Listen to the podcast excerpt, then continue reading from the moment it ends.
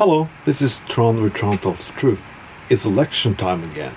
And when it's election time and Republicans don't have anything to talk about, like the economy or the war or eh, you know all the bullshit they talk about, they find something new bullshit to talk about.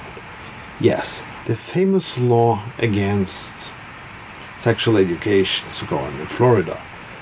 It's funny, uh, first the first bit of it, because Disney in in Florida has some benefits. They will not lose because they will openly support gay and transgender people. That doesn't sound very well with the Republicans, so they, well, they punish them. It's very funny from a party of people who's whining about cancel culture every day.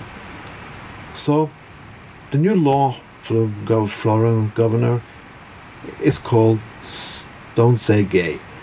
Well, people of Florida, I want you to do something different. I want you to say gay every day.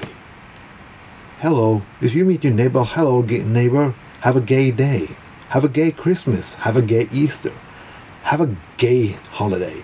Have a gay summer. When you order coffee, I would like a gay coffee. Do you have more gay bears?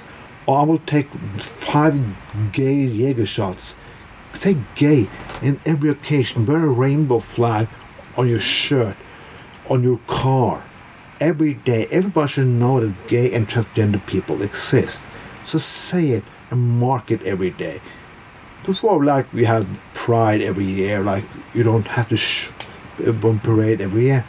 But since Florida's governor is not promoted, that people learning things, learning about how different, how people live differently. So now you can have Pride all year. Have all Pride arrangement at Christmas, on Pride Easter. Have like rainbow flag eggs hiding in the bushes. Say gay all the time. If you don't say gay, you have to pay more in the shops. You didn't say I want a gay coffee. Oh, well, then you have to pay a dollar more for the coffee. If you want coffee, you'd say, I want a gay coffee. Say gay, so all the kids are hearing the word gay and transsexual and bisexual and lesbian every fucking day of the year. Because it's funny. Maybe you can hide these things before, but you cannot hide them today. Kids are not stupid. They read social media.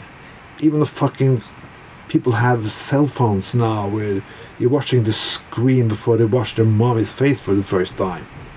So people say gay every fucking day, every day of the year, every time of the week, every time of the day, every second count. When you meet children walking over the street away to school, have a gay day, kids. Yes, this is how we should do it. Provoke everybody, anybody, anytime. At school, at work, and a fucking restaurant. So, if they want to st- stop, just make common sense. If they don't want to make common sense, fucking kick them in the ass every fucking day. This was Tron Tron Tells the Truth. Have a fucking nice evening.